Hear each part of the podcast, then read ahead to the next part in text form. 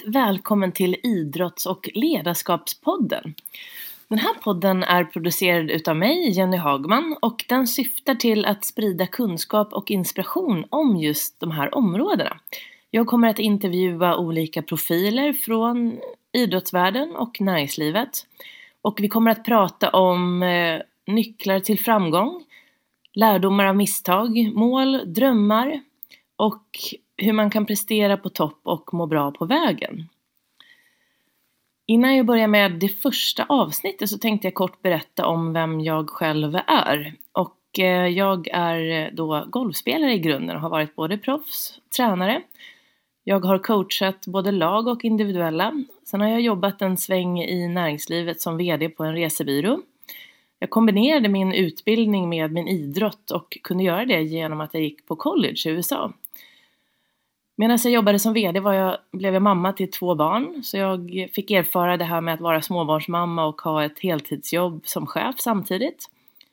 Det var spännande år och jag tror att i stora hela gick det bra, men eh, på slutet blev det väldigt tufft med både resor och eh, chefskapet. Så jag valde att starta eget för ett och ett halvt år sedan. Och nu är jag coach och tränare på heltid och brinner då för de här frågorna som vi kommer att eh, prata om i de här avsnitten.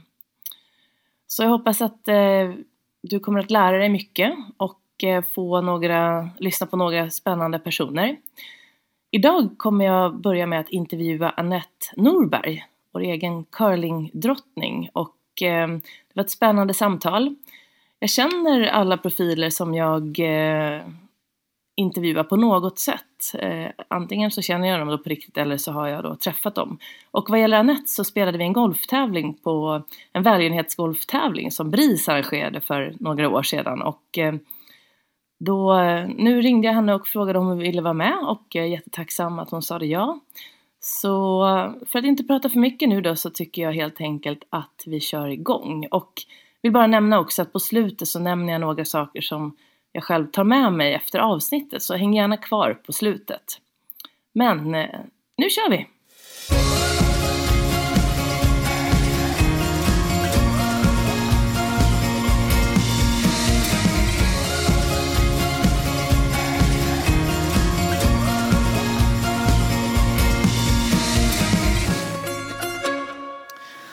Då får jag hälsa alla varmt välkomna till den här första delen av podcasten Idrotts och ledarskapspodden. Syftet är att få lärdomar och kunskaper både från idrottsvärlden och näringslivet och vad de här områdena kan lära av varandra. Så intervjuerna kommer från profiler inom dessa områden med fokus på nycklar till framgång, drömmar och lärdomar av misstag. Och här idag har jag med mig Annette Norberg som är vår egen curlingdrottning och vad jag kallar mattegeni. Hon kommer nog förklara lite mer. Eh, hon har vunnit två OS-guld, eh, Turin och Vancouver, sju EM-guld och tre VM-guld. Och har en otroligt intressant historia. Så det ska bli jättespännande att prata med dig. Välkommen hit Anette. Tack så jättemycket. Så jag tänkte vi skulle börja lite grann om din bakgrund. Så vem är egentligen Anette Norberg? Anette Norberg är ju då curlingspelare eh, men har hela tiden parallellt med mitt idrottande också jobbat och har en eh, filkand i matematik och matematisk statistik som jag har använt inom försäkringsbranschen och eh, räknar på risker kan man väl kort säga i alla dess former som, som, och Försäkring bygger ju just på att hantera risker och kunna kontrollera sina risker på, på ett bra sätt. Så vad gör du just nu, idag? Hur ser din dag ut, eller ditt liv? just idag så eh, jobbar jag på ett företag som heter Euroaccident som eh, fokuserar på försäkring och, och hälsa. Eh, jag spelar curling fortfarande spelar någonting som heter mixdubbel som kommer på OS-programmet här eh, 2018. Jag eh, coachar min eh, dotter som spelar curling och har ambitioner att vinna tre OS-guld så att hon ska slå sin mamma. eh, Härligt. Jag är ute och föreläser en del eh, om mina erfarenheter och eh, den resa som vi gjorde tillsammans just när det gäller att bygga lag och ledarskap och nå sina mål både inom idrotten och eh, inom näringslivet.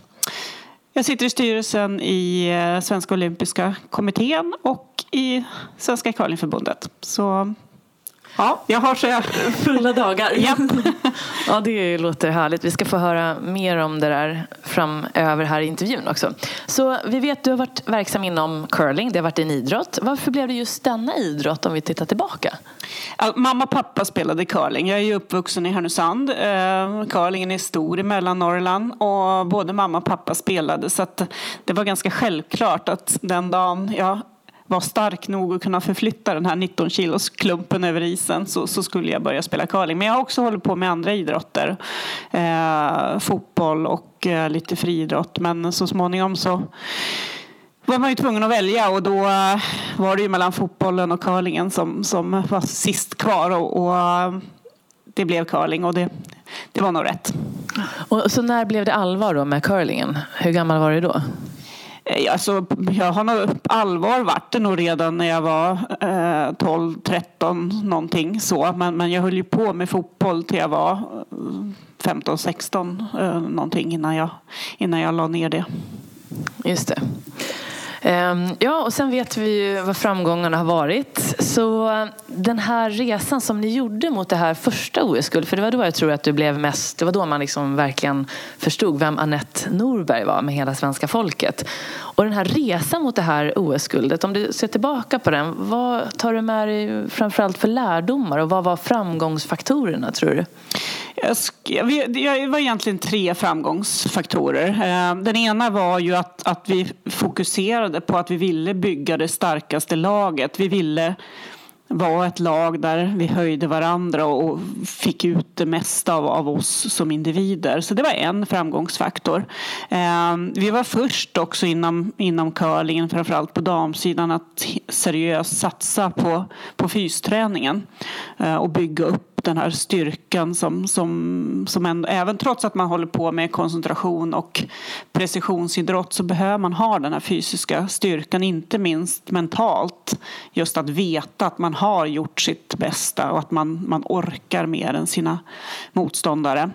Så det var den andra faktorn. Och den tredje faktorn var att vi vågade prova någonting nytt inom curlingen. Eh, vi vågade spela ett mera riskfyllt spel helt enkelt som, som kräver ju också då större precision och en högre kom, kompetens. Och, och just på damsidan var vi pionjärer när det gäller det sättet att spela curling. Så det var den, den tredje framgångsfaktorn och det bygger ju på att ha, ha modet och prova någonting oprövat och någonting som ingen, ingen annan har gjort. Och var kom den styrkan ifrån? Att ni eh, förstod att ni behövde ha det här modet eller att ni vågade vara pionjären? Det byggde ju på den här tryggheten vi hade i, i varandra och den här viljan som fanns hos alla oss fyra att hela tiden hitta hitta nya vägar till att bli bättre. Ett ständigt sökande efter och ett ständigt lärande av, av de misstag som man också behöver göra ju för, att, för att lära sig. Och det här laget som blev så framgångsrikt, det, vet, det är alltid svårt att hitta eh, vad ska man säga, medarbetare eller även medspelare. Hur, hur hittade ni varandra? Det var ju, jag, menar, jag, jag, spelade ju många olika lagkonstellationer innan det blev just vi fyra då, som hade de här fantastiska åtta åren eh, tillsammans. Så det, jag, menar, jag hade min syster med i laget och hon och jag spelade ju tillsammans i 20 år. Så Sen eh, kom Eva in i bilden och, vi kände att vi hade hittat rätt där och så sen kom Anna in lite senare. Så det var det ett litet sökande och att vi, man fick prova sig fram även där innan man hittade helt rätt. Mm. Och ni hade en coach också som ledde er. Vad var, den, vad var coachens roll i ert lag? Eh, coachens roll var egentligen att ställa de rätta frågorna till oss. Eh, vi var så pass starka individer så, så, att försöka styra oss det insåg han väl att det, det var nog inte särskilt utsiktsfullt att lyckas med men, men han fanns där eh, som en trygghet och var duktig på att, att ställa, ställa bra frågor. Han, följde han med till eh, OS eller åkte ni dit själva? Nej, han var med på OS och han var med på alla stora tävlingar. Han var inte med på alla tävlingar. Han var inte med på all träning och så utan eh, han fanns där och, och, som ett stöd och också fångade upp. Var ju också ett skydd mellan oss och omvärlden eh, under, eh, under perioder. Framförallt på mästerskap när vi behövde liksom få fokusera på vår grej. Då fångade han upp alla, alla bollar så vi slapp hantera dem. Och, och några de här viktigaste lärdomarna under den här resan innan ni stod där med OS-guldet? Var det någonting som du, jag tänkte, ni hade ju en resa som var både upp och ner. Vad var det för något som du gjorde, som du tänker att de var som var mm, något som ni lärde er av under vägen? Så att säga? Lärdomar, var det något misstag ni gjorde som gjorde att ni sedan blev ännu starkare? Absolut gjorde vi, eh, gjorde vi misstag och, och, just det här att bygga det här otroligt starka laget och komma igenom eh, den här konfliktfasen som man behöver gå igenom. Eh, den var ju den resan var inte lätt, den var inte kort eh, och den var otroligt jobbig. Eh, så, så att vi, det var ju en, eh, ja, det är en lärdom eh, att också förstå hur, hur mycket jobb det krävs för, för att ta sig till, till just det här, den trygghet och den här fantastiska lagsammanhållningen som vi lyckades med till slut. Ja, och hur jobbade ni med de här delarna när det var vad, gjorde, vad tror du var som gjorde att ni kom igenom det? Ja, dels var det ju vår egen vilja att faktiskt vilja ta oss igenom eh, det här. Och att vi hade bra stöd i vår coach som kunde liksom lotsa oss igenom de här, de här konflikterna som, som vi faktiskt hade. Eh, så Ja, nej, men det är väl det. det. Det är väl mer det här, det är precis som med allting annat. Om man ska lyckas med någonting så måste man inse att nej, men det krävs jobb och det krävs vilja. Mm. Mm. Och det hade vi. Mm. Så, du var inne på att ni började jobba med fysträning under den här perioden och det hade man inte gjort så mycket tidigare.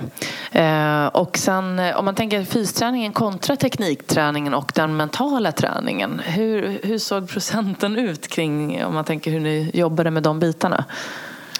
Ja, när man jobbar med mental träning, det, det för man ju oftast inte statistik på. Alltså, eller vi gjorde inte det, att man tänker sig att man lägger ett antal timmar på mental träning. Utan man, man registrerade ju passen på gymmet och man registrerade passen på, på, på, på isen. Och, och eh, där var det väl så att vi, vi la väl ungefär tidsmässigt utspritt över året lika mycket tid på fysträningen som vi la på, på isträningen.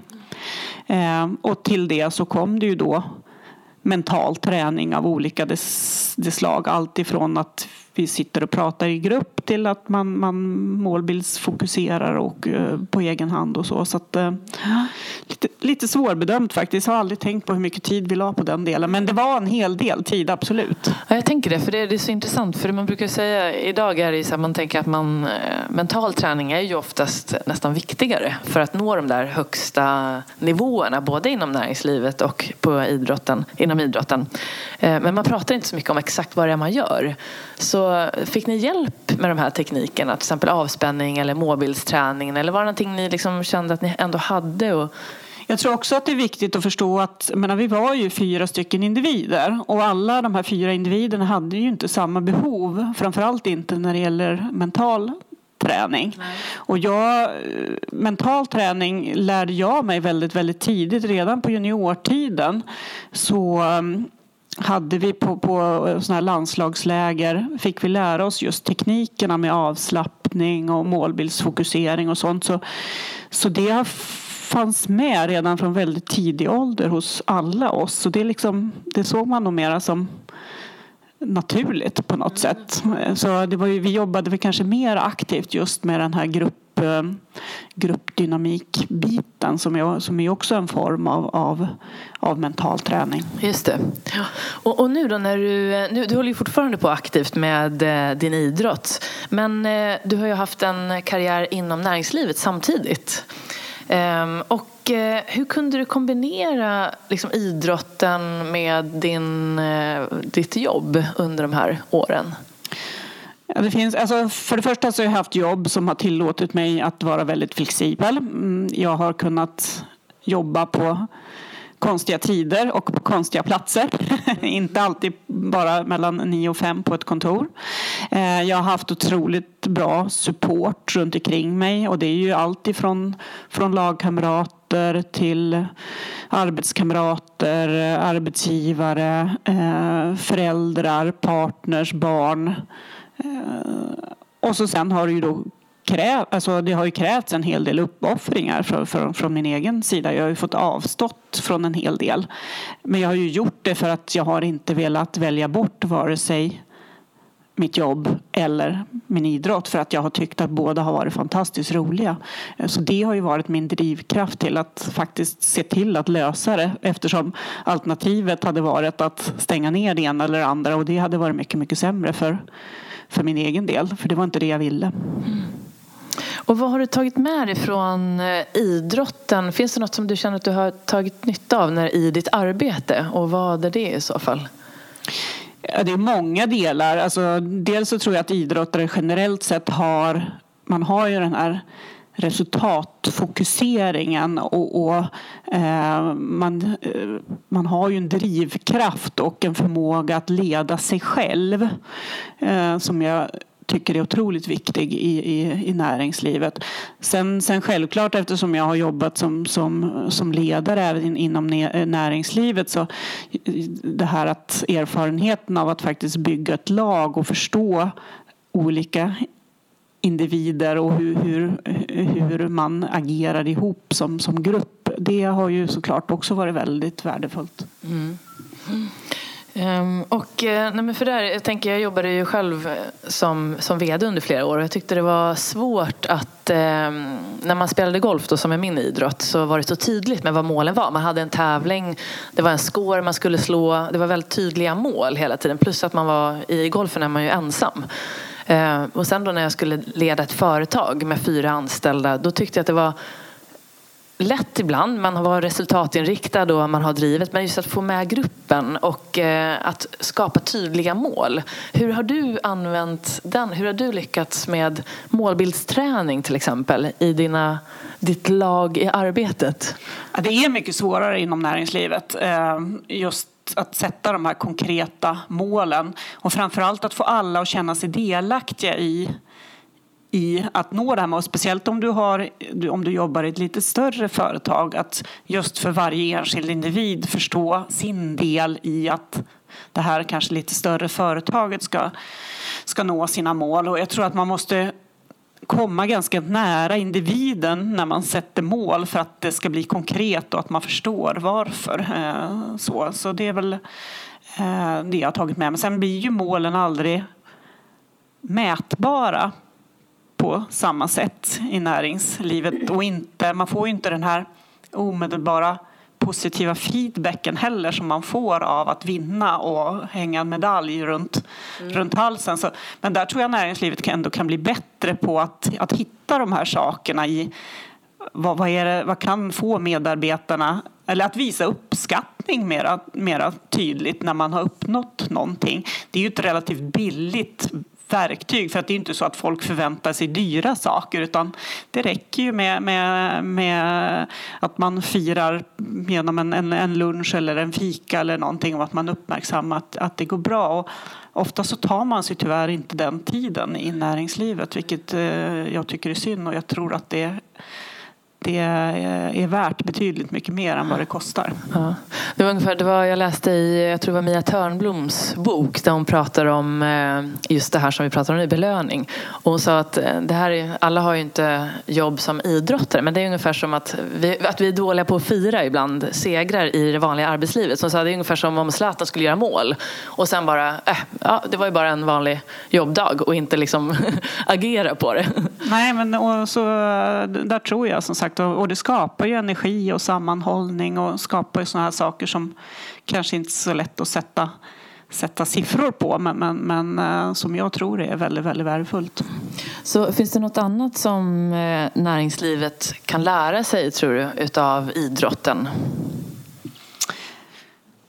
Det är väl de, de stora sakerna som jag, som jag kommer på eh, just, mm. just nu. Mm. Faktiskt just det här att, att jobba tillsammans, att ha den här drivkraften eh, och jobba med mål och måluppfyllelse. Mm. Mm. Tror du, om man tänker tvärtom, finns det något som idrotten kan lära av arbetslivet eller utav näringslivet? Du som har varit på båda sidorna, är det någonting du kan se åt det andra hållet? Jag tycker att det är lite svårare åt andra hållet. Jag kan ju själv ändå känna att för mig var det en framgångsfaktor för mig inom idrotten att när jag fick mitt, eller fick, eh, tog mitt första jobb som, som chef och ledare så gav det mig ett, ett självförtroende i mitt ledarskap och i min som person, alltså ett självförtroende för mig som jag hade med mig in i idrotten som jag inte riktigt hade haft tidigare. Att, när man, jag fick liksom inget bevis inom idrotten på att, att jag var en duktig ledare. Men det fick jag in, i näringslivet när jag, när jag fick det här jobbet. Man, det fanns folk som, som trodde på mig. Eh, så för min personliga del så, så och då tog min curlingkarriär fart faktiskt. Mm. I samband med mm. att jag fick det här, mitt första chefsjobb. Det var i princip samtidigt som, som vår karriär tog riktig fart. Mm. mm. Ja, spännande. Så hur har du hittat, om man tänker balansen nu då, mellan idrotten och jobbet. Hur har du jobbat för att hålla dig i balans så att säga? Eh, ja, alltså jag tror att det handlar ju otroligt mycket om att jag tycker att allting är roligt men sen självklart ibland så blir det för mycket. Och jag har väl lärt mig att se och känna signalerna för när det håller på att bli för mycket. Och då måste man verkligen ta dem på allvar och börja och rensa och säga nej. Och det har hänt ett antal gånger att jag hamnar i det, det läget att nu måste jag göra en halt här.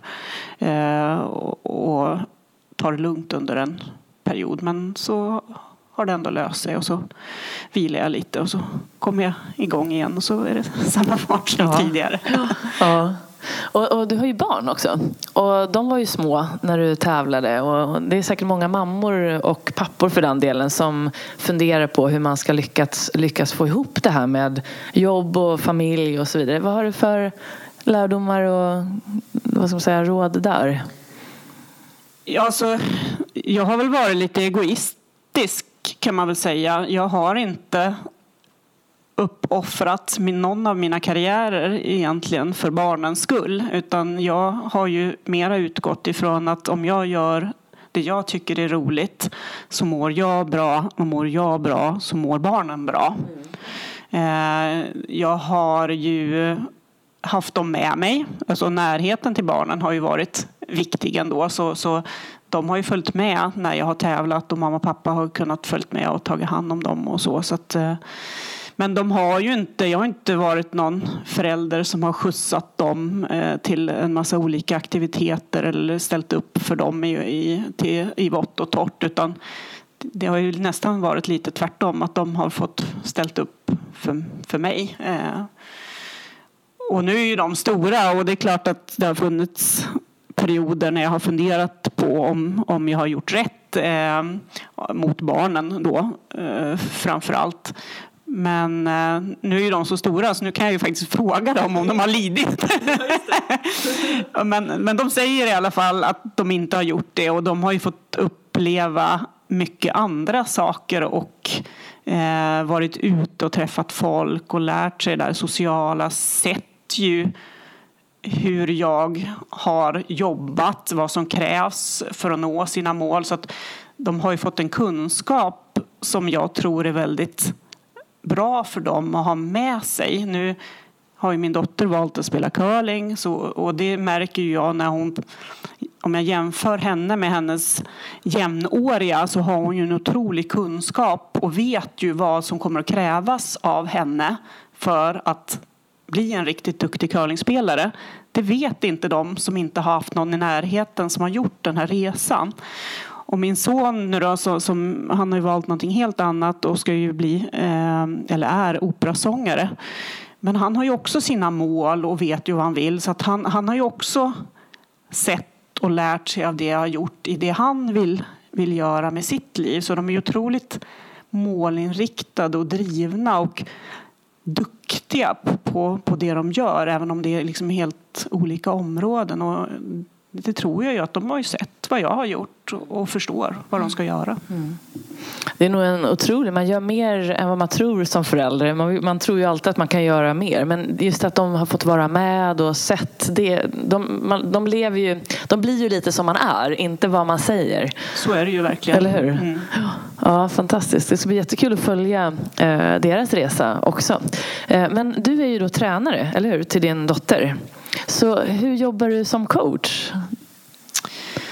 Ja, det är ju lite speciellt att vara ledare och coach till sin egen dotter och speciellt i en lagidrott där man har tre stycken andra i laget och som inte är släkt. Så det, det skapar ju, det är inte helt optimalt måste jag faktiskt säga. Så just i år har jag försökt att ta ett litet kliv tillbaks och, och ha andra som kliver så vi är flera ledare egentligen just nu och jag fokuserar mera på det som är rent curlingmässigt, det vill säga teknik och taktik. Där jag såklart har en väldigt hög kunskap och väldigt mycket att, att lära ut. Men sen försöker få andra att ta, eh, ta de här andra delarna i, i ledarskapet. Då. Men för mig, just när det gäller idrott och såna här unga tjejer och så, så handlar det ju det handlar om att ha roligt. Det handlar om att utvecklas. Eh, och det handlar om att försöka bygga upp den här förståelsen för hur viktigt det är med, med den egna viljan och motivationen och drivet. Så att man inte kan sätta sig ner och tro att det är någon annan som ska dras en. Alltså, man dras inte någonstans utan ska man få någonting gjort och, och lyckas komma någonstans då får man faktiskt göra det själv. Ja, men så ni, hur du, när du tränar, när du ser hur de tränar, om man tänker det här som vi pratade om innan då med fysiken, tekniken och det mentala. Ser det likadant ut nu? Om man tänker på era framgångsfaktorer då? Tränar nu är ju de här tjejerna väldigt, väldigt unga än så länge. Och, så det går inte riktigt att jämföra. De, de ska ju inte träna på samma sätt som, som vi gjorde som var liksom i, i världs toppen och, de ska inte träna så mycket fys som vi gjorde heller för att de är inte till alltså det här, de är i ett åldersspann mellan 16 och, och 19. Just det. Eh, då, så att, eh, eh men idéerna och riktlinjerna och liksom tankarna kring, kring hur jag tränar dem är ju såklart hämtade från, från våra erfarenheter. Så, så vad tror du är de tre viktigaste faktorerna för att lyckas prestera på topp och må bra på vägen? Jag tror att man måste gilla den här resan. Alltså, man kan inte bara fokusera på att man ska nå målet utan man måste ha kul i det man, i det man gör. Det tror jag är otroligt viktigt. Och sen som jag har sagt flera gånger, man behöver ha viljan. Alltså viljan, motivationen och viljan att faktiskt vilja offra saker på vägen dit. Man kan liksom inte få allt. Utan du måste välja, du måste prioritera. Och förhoppningsvis så kan du prioritera efter det du tycker är roligt. Är det så att du inte tycker att din idrott eller det du vill nu bli riktigt bra är så kul så att du är villig att offra de andra sakerna. Nej, men då kanske du inte ska sikta på att nå världstoppen. Då är det, då är det någonting annat som är viktigt för, för just dig som individ. Vad har du för eh, framtidsplaner nu? Du har ju din egen karriär också när det gäller curlingen. Och hur, hur ser du på framtiden för din egen del? Jag spelar ju curling för att jag tycker att det är så fantastiskt roligt eh, fortfarande. Och just nu så är det ju målet att försöka kvala till, till OS då i mixdubbel eh, eh 2018.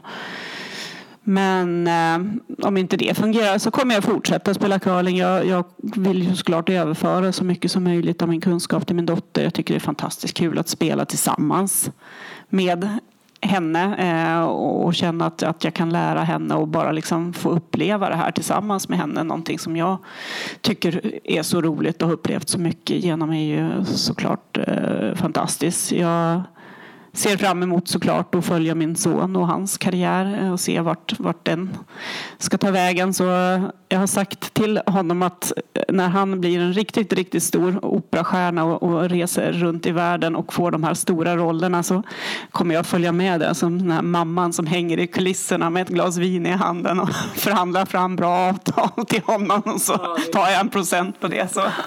Det låter fantastiskt, verkligen. Vad heter det? Men ehm, så eh, det där låter ju som en härlig, liksom, du har bra visioner och det har du ju lärt dig genom åren då också. Att man, eh, det är så viktigt att ha visioner framåt, inte bara till en viss tävling utan även längre bort som inte bara har kanske med tävlingen att göra utan också med det vanliga livet. Så vad är viktigast för dig idag?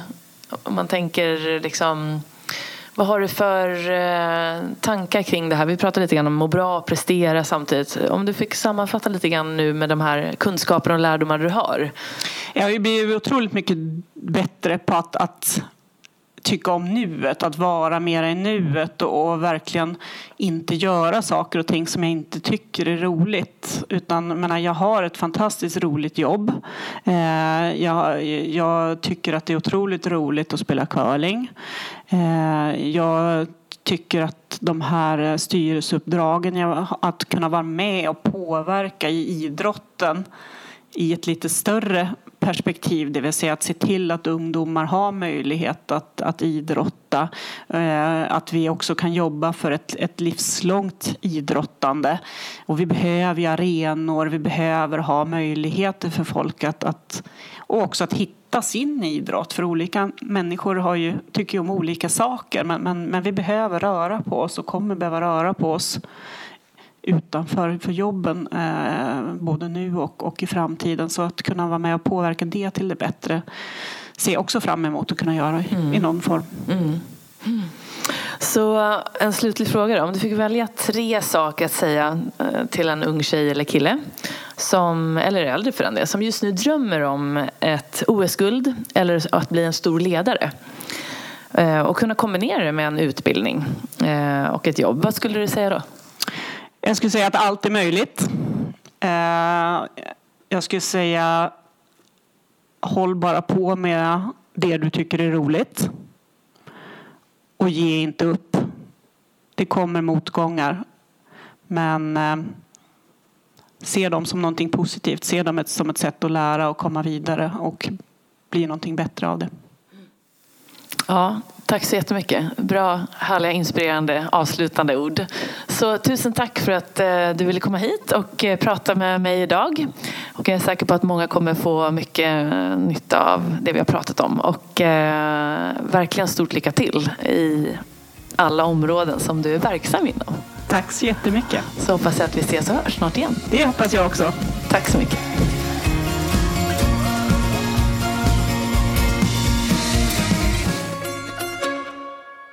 Det här var då det första avsnittet utav Idrotts och ledarskapspodden. Jag hoppas att du har fått med dig några nyttiga och inspirerande saker och eh, själv tar jag med mig det här med vikten av att säga nej och att eh, lyssna till kroppens signaler när det är för mycket. Jag tror att det är en väldigt viktig sak för att kunna prestera på topp och må bra på vägen. Våga säga nej. Sen tar jag med mig att det går mycket bra att kombinera både skola och sen även jobb med en idrott på absolut högsta nivå. Det gäller bara att fokusera, hitta bra flexibla lösningar och ha folk som kan hjälpa till runt omkring. Och eh, de brukar finnas där om man väl frågar det kan till och med bli så som det var för Anettes del här då, att när hon väl blev chef för första gången och det var då hennes curlingkarriär verkligen satte fart. Det här med att man kan känna en trygghet av att man har någonting att luta sig tillbaka på. Det känner jag själv igen från när jag satsade på skolan och eh, även eh, spelade golf då på hög nivå. Det var alltid skönt, man visste att man hade skolan eller man hade möjlighet att söka jobb om det inte skulle funka med golfen. Och eh, samma sak ibland när man sökte jobb, att man visste att man hade golfen. Och sen till sist tar jag med mig det här vikten av att ha kul. Om man inte har roligt med det man håller på med så kan jag nog säga att det förmodligen är helt omöjligt att komma upp i alla fall den högsta världseliten. Så märker man att man inte riktigt har kul när man börjar träna mer eller satsa hårdare så kanske det är något annat man ska göra helt enkelt. Då får jag tacka för idag och ehm, jag hälsar dig välkommen till nästa avsnitt som kommer inom kort. Ha det gott och ta hand om dig så hörs vi snart igen.